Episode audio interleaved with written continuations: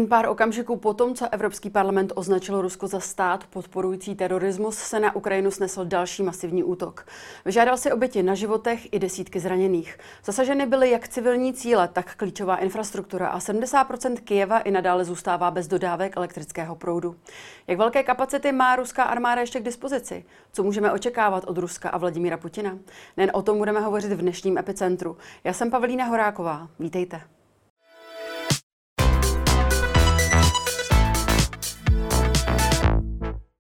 Ve studiu dnes vítám odborníka na mezinárodní vztahy a jaderné zbraně z Fakulty sociálních věd Karlovy univerzity, Vlastislava Břízu. Dobrý den. Dobrý den i vám. Pane Břízo, Rusko opět zasypalo Ukrajinu raketami a e, i drony. Co víme o dopadech toho včerejšího útoku na Ukrajinu? Je to tak, e, jak říkáte. E, Rusko v tuto chvíli spustilo již pátou fáze svojí takzvané speciální vojenské operace. Když to jenom stručně schrnu, začalo to tou první fází o ním hostomolem, kdy Rusové chtěli rozhodnout bitvu nebo válku o Ukrajinu během 24 či 48 hodin bez lidských obětí. To byl první hlavní a zásadní plán prezidenta Putina. Ten nevyšel, ta druhá fáze války jako fáze B měla být eh, jakási novodobá blesková válka, kdy uskupení armád eh, Ruské federace prakticky ze tří směrů, ze severu, z východu i z jihu, mělo napadnout eh, Ukrajinu jako takovou a během několika málo dnů odříznout ukrajinskou armádu, kterou by potom zlikvidovalo v Donbaském kotli. Ani to se nepovedlo, jak víme, tak ruská armáda spustila třetí fázi.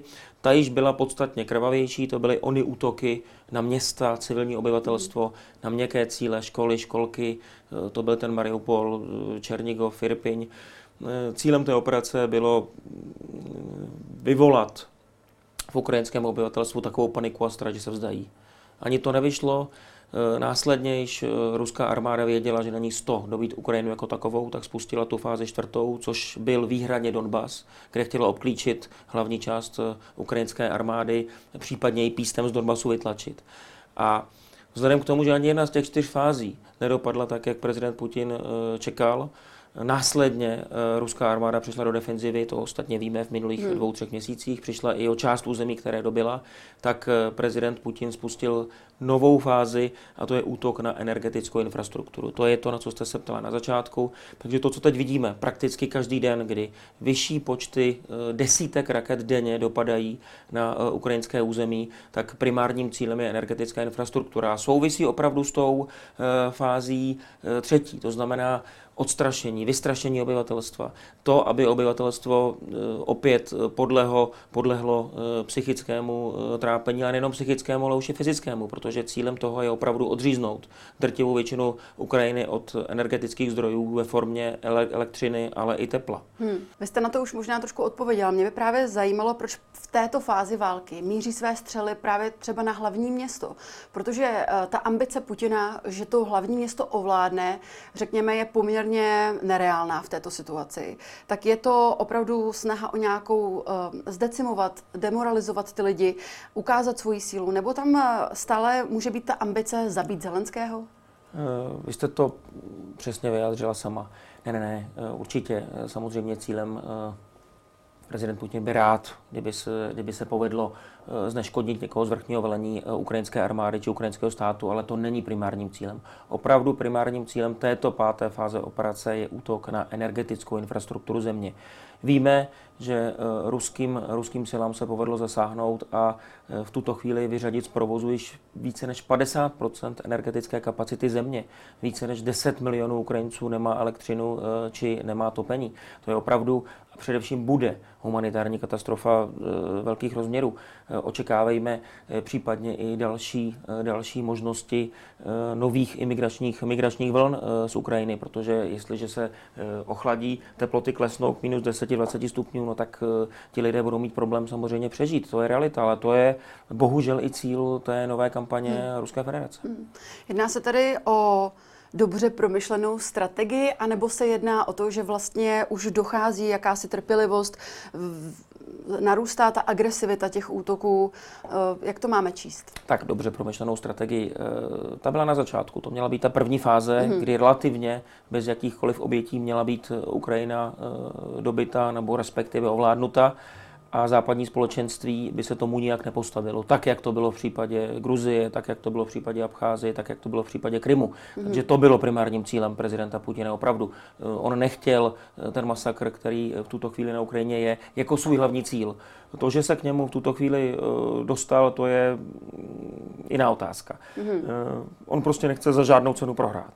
To je ten důvod, proč on pokračuje v těchto masivních útocích tuto chvíli, především pak raketových útocích či útocích eh, pomocí, pomocí iránských dronů. Eh, protože eh, sami vidíme, že v posledních dvou, třech měsících se ta strategická iniciativa otočila mm. a v mhm. tuto chvíli je to ukrajinská armáda, která udává to na bojišti. Takže jemu svým způsobem nic jiného nezbylo. Takže tato fáze války vyplývá ze situace. Mm. Ukrajinské síly hlásí sestřelení 51 z těch 70 střel s plochou drahou letu a také pěti dronů. Um, jak hodnotíte toto číslo? Je to úspěch a jak reálná by bylo vůbec zachytit třeba dejme tomu 90%, 100% těchto střel? Já to hodnotím skvěle. Mm-hmm. Protože bych měl vypíchnout dvě eh, špičkové uskupení uvnitř ukrajinské armády, které získaly obrovskou celosvětovou prestiž, tak to jsou na prvním místě především dělostřelci, kteří vyvinuli speciální aplikaci a v řádu jednotek minut jsou schopni eh, ostřelovat vytyčený cíl, což v tuto chvíli neumí žádná jiná armáda na světě. Já potřeba konstatovat, že ukrajinští dělostřelci patří mezi, ne když nejsou nejlepší, tak mezi dvě, tři nejlepší armády světa. Eh, druhou, druhou skupinou, kterou bych rád vyzdvihl, tak je Eh, skupina sil protivzdušné obrany. Protože ve chvíli, kdy máte úspěšnost, a vy jste to sama zmínila, mezi 70 a 80 procenty, především protiraketové obrany, tak to je fenomenální úspěch. Mm. Prostě eh, rakety, obzvláště rakety s plochou drahou letu, jsou velice obtížně zastavitelné. To je jakási nadstavba protivzdušné obrany. Zatímco klasická protivzdušná obrana má tři fáze, fáze kratšího doletu, středního a dlouhého doletu, tak ta protiraketová to je ještě jakási nadstavba a je velice těžké um, trefit opravdu letící, letící raketu, uh, byť pod zvukovou rychlostí. Takže uh, ukrajinští, ukrajinští vojáci z protivzdušné obrany za pomoci západních zbraňových systémů odvádějí obrovský kus práce, hmm. je to hmm. úspěch. Právě ta pomoc západních států je velmi důležitá. Spojené státy oznámily, že poskytnou Ukrajině uh, vojenské vybavení v hodnotě v přepočtu 9,4 miliard korun. Jak zásadní je tato pomoc v tento moment? Je kruciální. To mm. je to mhm. slovo, které bych použil. Eh, my jsme v situaci, kdy eh, Armáda Spojených států amerických je druhým největším dodavatelem, dodavatelem zbraní uh, ukrajinské armádě. Mm. Uh, největším z nich je Ruská federace. Paradoxně. Právě, jak to? No právě proto, jak vede mm-hmm. svoje válečné úsilí, tak zanechává na bojišti takové množství zbraní, že největším dodavatelem e, ukrajinské armády je opravdu paradoxně Ruská federace, ten mm-hmm. nepřítel.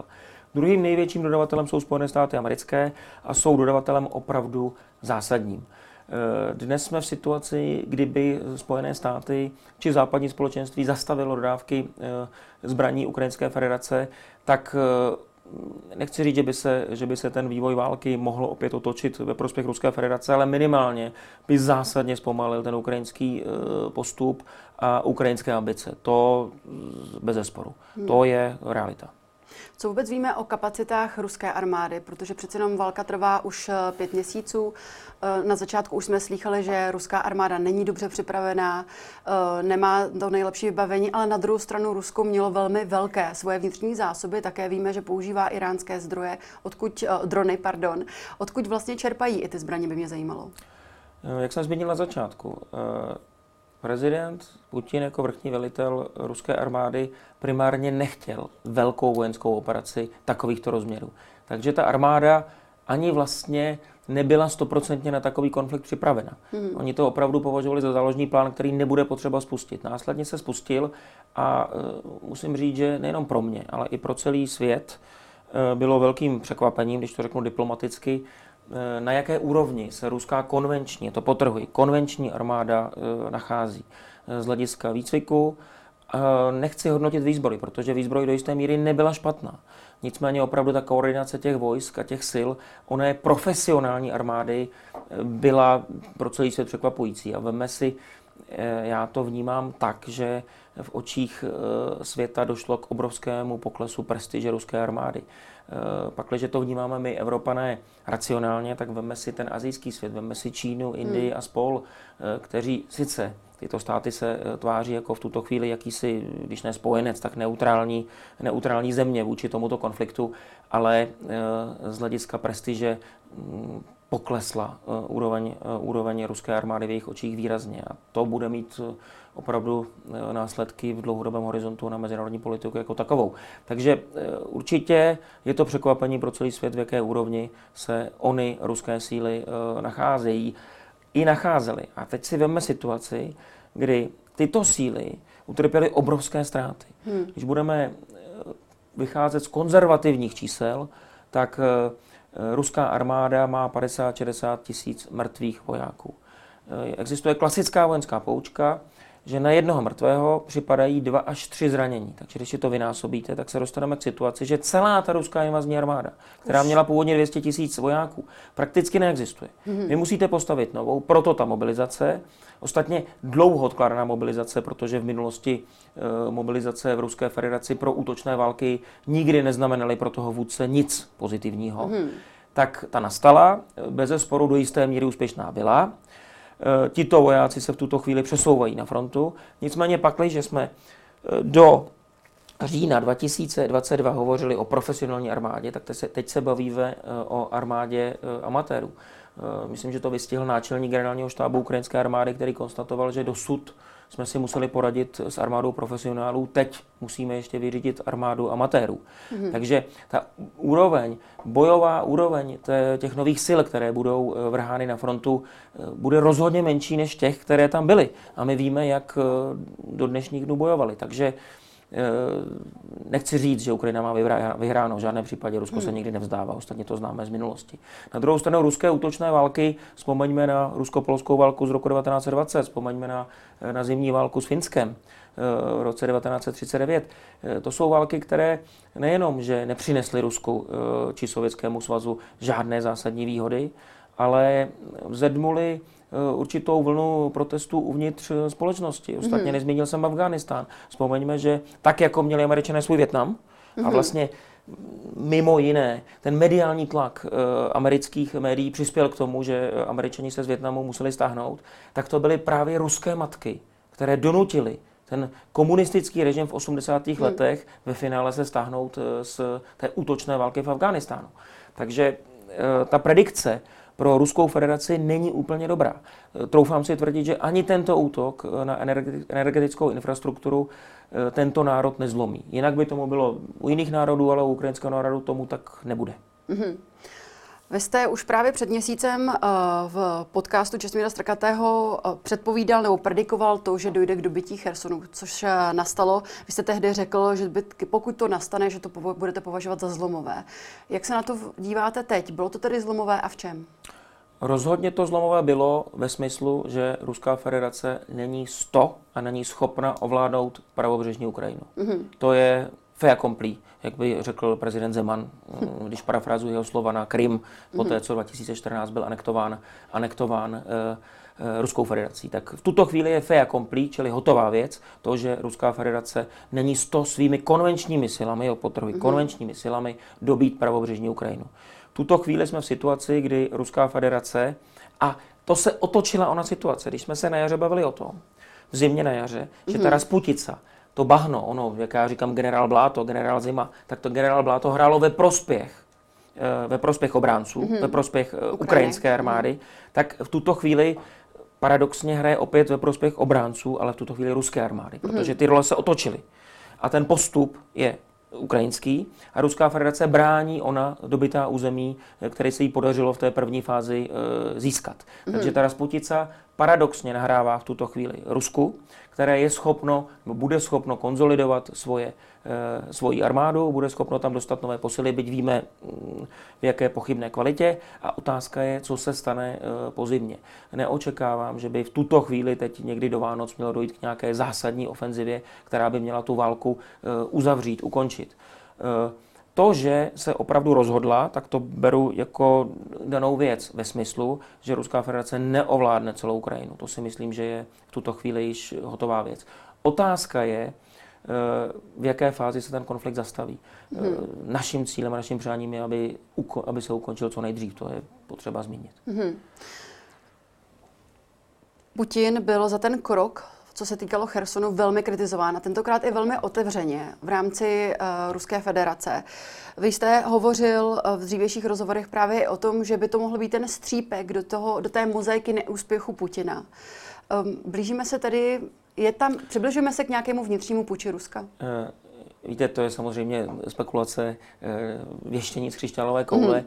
ale abych to přiblížil eh, divákům, posluchačům, co se týče minulosti, tak když generální tajemník Sovětského svazu Nikita Sergejevič Chruščov prohrál kubánskou raketovou krizi, ačkoliv to na oko vypadalo, že si zachoval tvář, ale opak byl pravdou, prostě on ji opravdu prohrál, protože v té době Ruská, sovětský svaz, pardon, nedisponovalo takovým mohutným jaderným arzenálem jako Spojené mm-hmm. státy, na rozdíl od dneška, to je potřeba potrhnout, tak trvalo, eh, trvalo dva roky, než, eh, než eh, Leonid Ilič Brežněv dokázal mm, ten půjč uskutečnit a Chruščova svrhnout. Čili ono to má určitou vnitřní dynamiku, má to určitý, eh, určitý, určitou časovou posloupnost. Nečekejme v tuto chvíli, že by ulice svrhla prezidenta mm-hmm. Putina, to v žádném případě. Ostatně víme a vidíme, že ta podpora, eh, podpora oné speciální vojenské operace pořád v Ruské federace i přes ten úprch těch některých mladých do, do zahraničí je velká. Eh, takže opravdu půjče se v, v ruských dějinách odehrávaly v drtivé většině interně. Ale jestli to k tomu dojde v nejbližších eh, měsících, to je otázka. Ale určitě ruská elita velmi dobře ví, že to je neúspěch mm-hmm. a velmi dobře ví, že není možno takto fungovat do nekonečna. I když ruská uh, elita ví, že je to neúspěch, mluvili jsme tady o těch obrovských ztrátách ruské armády a všeobecně i o těch pěti fázích, které byly vyvolány vlastně tím, že se museli nějakým způsobem adaptovat na neúspěch té první mise, pokud to uh, tak uh, všeobecně ano. zhodnotím. A tak proč je ve vedení stále, furt jsou ve vedení stále stejná jména? Čím si to vysvětlujete? Ve no, vedení armády, myslím. Tak máte na mysli asi eh, náčelníka generálního štábu Gerasimova a ministra obrany Šojgu. Ano. Eh, prezidenta Putina pojďme z toho výjmout. Ano, určitě. E, jako autokrata, který dominuje tomu systému a sám ho, sám ho vytvořil. Ano, to je ale velmi zajímavá otázka, protože ten neúspěch opravdu na frontě je zřejmý. E, na druhý pohled, propaganda může deklarovat, že noha ruského vojáka není na území Ruské federace. Noha ruského vojáka při této speciální operace ovládá x procent území uh, Ukrajiny. Čili pro propagandu to neúspěch ani být nemusí. Mm-hmm. Jsme vlastně v situaci, když to budu parafrázovat historicky, podíváme se na první světovou válku, tak německá armáda, noha německého armáda v roce 1918 ke konci války 11. 11. nebyla na území německé říše. Mm-hmm. Ta, ta fronta byla prakticky za německou říší na, na západní frontě ve Francii, v Belgii, v, Němec, v Nizozemí. A přesto Německo tu válku prohrálo. Takže na první pohled tomu tak není. Ale oba dva vnitřně víme, že eh, ta realita je jiná, ta, ten, ten cíl té operace mm. nebyl dosažen. Já si to vykládám tak, abych odpověděl na vaši otázku.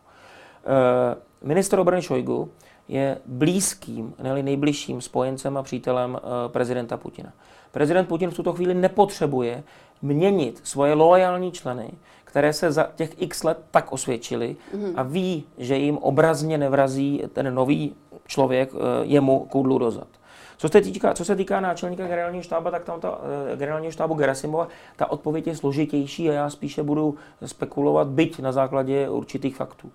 Eh, generál Gerasimov je mimořádně oblíben u vojáků. A to mm. jak u mužstva, tak u, u důstojníků. On eh, to vždy byl precizní velitel, který nebyl nikdy vtažen do žádných korupčních skandálů. On to není ten, jak si představujeme, ten eh, důstojník toho sovětského typu, který eh, od 12 dopoledne popíjí vodku a mm, rozhoduje v podroušeném stavu, tak to v žádném případě není.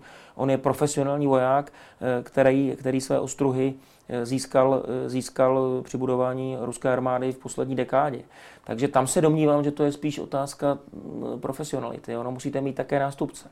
Eh, víme dobře, že eh, prezident Putin konal a vyměnil eh, vrchního velitele těch invazních vojsk. Hmm. Ten má, mm, tuším, že dva měsíce, ale nechci, nechytejte mě za slovo nového velitele Surovikina.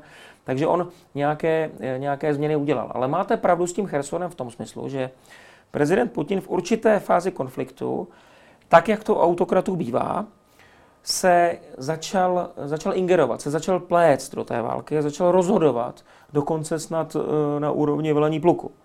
A je pravda, že prezident Putin uh, vydal rozkaz, že Cherson se opustit nesmí. Mm-hmm. Takže opravdu je to politická prohra. Na druhou stranu, na tom ilustrujme to, že prezident Putin nestratil prvky racionality. Mm-hmm. Protože kdyby ztratil prvky racionality, tak by eh, bojoval do posledního muže vis uh, Adolf Hitler a jeho operace ve Stalingradu a pak následné nesmyslné rozhodnutí, které vedly, mimo jiné vedly k porážce nacistického Německa. Tak prezident Putin si nechal poradit a včas stáhnul a je potřeba říct, že ty nejzkušenější vojáky z toho pravého břehu Dněpru, ve chvíli, kdyby, a nadevší pochybnost by byly tyto hmm. vojenské jednotky obklíčeny a následně rozdrceny, tak by ruská armáda ztratila i na tom levém břehu eh, Dněpru velkou část své bojové zkušené síly. Hmm. Jak jsem eh, řekla na v úvodu našeho pořadu, Evropský parlament uznal Rusko uh, za teroristický stát a pak uh, přišel za několik okamžiků ten, ten velký útok na Ukrajinu. Zřejmě to nebude souviset, ale mě by zajímalo, jaký dopad vůbec taková rezoluce má na, ten, na, te, na ty samotné boje na Ukrajině. Nechci, nechci říct, že to úplně nesouvisí, ale určitě to nebyl primárním cíl tohoto útoku. Tím je opravdu krok po kroku vyřazovat z provozu ukrajinskou energetickou eh, infrastrukturu. Eh, ten krok čistě z mezinárodně právního hlediska je deklaratorní. To znamená, je to pouhá deklarace, je to mm, pouhá formulace eh, jakéhosi statu quo, která není nijak vymátelná. To znamená, z hlediska mezinárodního práva není možné v tuto chvíli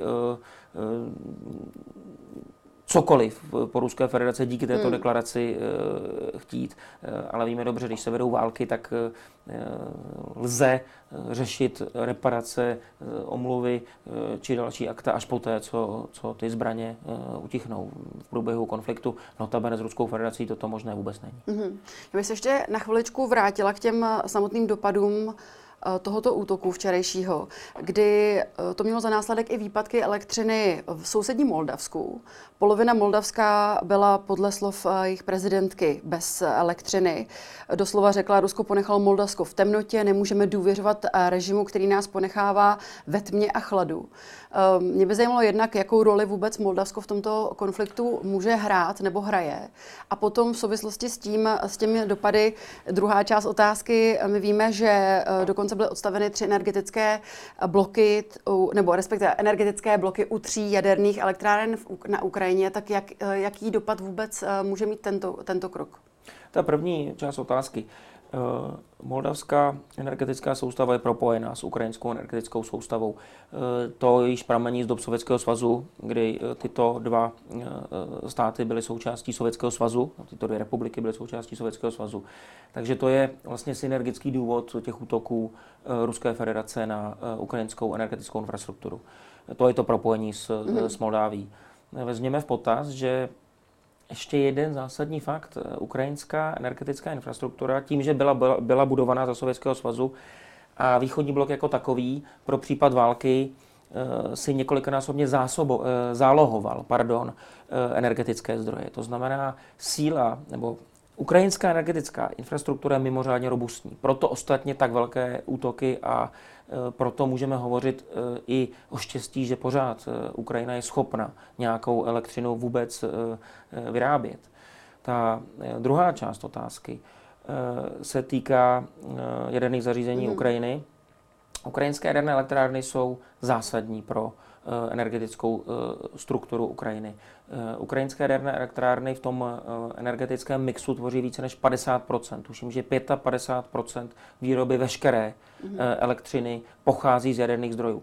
Do začátku války, respektive ještě i v první polovině války, byla Ukrajina ostatně vývozcem elektrické energie, takže ona nepotřebovala importovat, naopak vyvážela a prodávala elektřinu.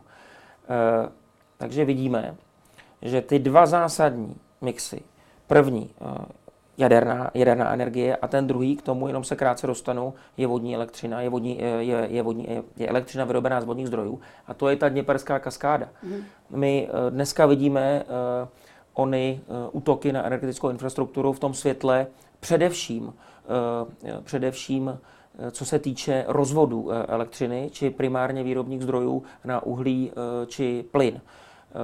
Já doufám, že se nedočkáme toho, že ruská armáda, a ona je toho technicky a technologicky schopna, by zautočila na Dněperskou vodní kaskádu, která tvoří, tuším, že čtvrtinu výroby energie, energie v zemi. Takže i to by, když divák vidí, eh, jaké hrůzy ruská armáda eh, páchá, tak je potřeba vnímat i to, že opravdu i to lze pořád ještě eh, stupňovat. Co se týče těch jaderných elektráren, tak jenom stručně. Veškeré ukrajinské jaderné elektrárny jsou moderního typu. Díky havárii v jaderné elektrárně Černobyl, která byla, která byla osazena technologií RBMK, Eh, specifický eh, reaktor, který hmm. neměl ani containment, tak veškeré, eh, veškeré reaktory v současnosti provozované ukrajinskou, ukrajinskou energetickou soustavou jsou typu našeho, to znamená, je to VVVR, to, co máme v Dukovanech v Temelíně. Tyto reaktory jsou chráněny betonovou schránkou, či chcete-li containmentem a jsou velmi dobře zabezpečeny. Eh, ve chvíli, kdy dojde k odstavení eh, o něch bloků, což, eh, jak sama jste sdělila, tak došlo, tak nevidím jako riziko jaderné havárie jako nijak zásadní. To je potřeba uklidnit posluchače či mhm. diváky, že v tuto chvíli bychom se neměli tohoto, tohoto obávat. Mm-hmm. Když eh, vás poprosím o nějaké možné scénáře, alespoň do konce zemi, chápu, chápu, že tady nemůžete věštit z křišťálové koule, tak eh, ale co byste, co očekáváte? A v souvislosti s tím se zeptám na to, hm, slýcháme uh, poměrně často různé jaderné hrozby od Putina.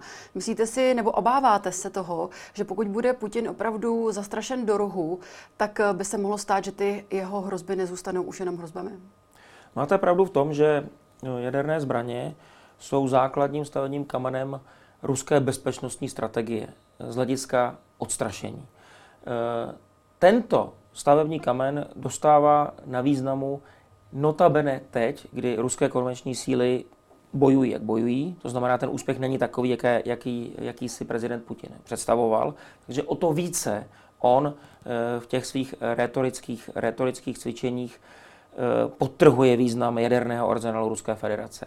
Je pravdou, že Ruská federace spolu se Spojenými státy americkými je jedinou jadernou supervelmocí. Obě tyto země mají ve svých arzenálech více než 90 jaderných zbraní světa. E, nutno rovněž podtrhnout, a to dvakrát, že stav a kvalita ruského jaderného arzenálu je diametrálně odlišná tom pozitivním slova smyslu pro hmm. Ruskou federaci od stavu a kvality ruských konvenčních eh, zbraňových systémů. Eh, taková je realita. Na druhou stranu se nedomnívám, že by prezident Putin měl v následujících týdnech či měsících jadernou zbraň, byť taktickou, o strategických vůbec nehovořme, na bojišti použít. Proto musíte mít určité předpoklady. Ukrajinská fronta tyto předpoklady nenaskýtá. Ta fronta je e, dlouhá zhruba tisíc kilometrů, je na ní obrovské rozptýlení vojsk. Ve chvíli, kdy máte rozptýl vojsk, tak jaderná zbraň, taktická jaderná zbraň, ten smysl postrádá. Její účinek nastává e, a multiplikuje se s koncentrací těch vojsk. Ty e, na Ukrajině u fronty nejsou. Mm-hmm. Druhým důvodem je že ruská armáda, ať ta profesionální, která víme dobře, kde tam, kde, která tam byla nasazena, tak eh, je v troskách a je nahrazována novými odvedenci, tak není připravena ani vycvičena na boj v jaderném prostředí, to znamená na boj po jaderném útoku. To je další, eh, další důležitý, eh, důležitý důvod. Čili on by použitím taktické jaderné zbraně nic nezískal. Bavili jsme se, sama jste zmínila, ta odhodlanost, ta morálka hmm. Ukrajin, Ukrajinců je tak velká, že ani použití několika taktických jaderných zbraní by nezvrátilo odhodlání Ukrajinců se bránit. Hmm. Taková je realita. Hmm. A když bychom se na závěr dostali k těm možným scénářům, řekněme do konce zimy? E- tak, eh, řekli jsme si, že ruská armáda na konci léta ztratila strategickou iniciativu. Mm-hmm. To je zásadní provedení jakékoliv války. Převzala ji ukrajinská. Ta z ní vytěžila dva e, zásadní výdobytky. doslova do písmene výdobytky. První eh, získala velkou část eh, Charkovské oblasti zpět. To byl nečekaný manévr, protože Rusové se v té době soustředili na Cherson a nechali odkryté ten severovýchod, to hmm. křídlo, severovýchodní křídlo nechalo odkryté nechali odkryté. A de facto během dvou týdnů, dvou týdnů ukrajinská armáda dobila území pro představu velikosti Jižních Čech. Takže ne tak malé území, ne tak zanedbatelné. To, co předtím Rusové dobíjeli týdny a měsíce tak dokázali dobít přesným eh, řezem, srpem eh, těch mechanizovaných jednotek eh, zpět. Ostatně zde musíme nutně odmítnout tu teorii, když se v posledních dvou dekádách slýchalo, že tanky jsou již přežitkem. Naopak, ukrajinská válka potvrdila, že právě tankové bitvy jsou schopny rozhodnout mm. některé bitvy a i fáze války. A druhým výdobytkem, abych, abych dokončil, dokončil tu odpověď, je dobytí Chersonu. Takže z té strategické iniciativy eh, Ukrajinci získali dva zásadní výdobytky. Teď jsme v situaci, kdy i Ukrajina musí svoje síly přeskupit, protože ty, ty útoky, které byly v posledních měsících, byly tak intenzivní, že i Ukrajina musí eh, jednotky přeskupit, odpočinout si. Do toho Rasputice, takže ona ani nemůže pokračovat v těch velkých polních ofenzivách eh, toho typu, který si představujeme při mechanizovaných jednotkách. Eh, nicméně je pravdou, že během měsíce ta země zamrzne mm-hmm. a v tu chvíli bude opět výhoda pro ukrajinskou armádu z jednoho prostého důvodu. Ukrajinské jednotky i díky dodávkám ze západních zemí budou na tu zimu připraveny lépe. A teď nemyslím jenom e, zbraňových systémů, ale myslím i výstroje. Ukrajinská armáda bude připravena na tu zimu lépe než, než ruská. To, co německá armáda protože nečekala, že bude eh, bojovat o Moskvu až, až v zimě eh, po, po zahájení operace Barbarossa. Eh, předvedla v druhé světové válce a nebyla připravena. Tak paradoxně ruská armáda nebude tak dobře připravena jako ukrajinská na tu, na tu ruskou, či chcete-li ukrajinskou zimu, to je, to je podobné. Mm-hmm. Takže domnívám se, že je ovšem pravdou, že ta strategická iniciativa tím přeskupením Eh, jednotek ukrajinské armády a tím, že na frontu budou poslány 100 eh, tisíce nových eh, ruských, byť špatně vycvičených vojáků, bude do jisté míry otupena. A v zimě dojde k určitému uklidnění bojů. Nemyslím si však, že to je definitivní a Ukrajinská Ukrajina bude určitě co nejdříve chtít v řádu nižších jednotek měsíců tu ofenzivu obnovit a mhm. bude chtít, bude chtít v té minimální variantě dobít území zpět, které získalo Rusko potom 24. únoru 2022. Mm-hmm. Tolik Vlastislav Bříza, já vám děkuji, že jste se na nás udělal čas a někdy příště na viděnou. Já díky. A to už je z dnešního Epicentra vše. Já jen připomenu, že záznam tohoto dílu společně s těmi ostatními naleznete jako vždy na blesk.cz. Já se s vámi pro naše loučím a těšíme se opět příští týden. Na viděnou.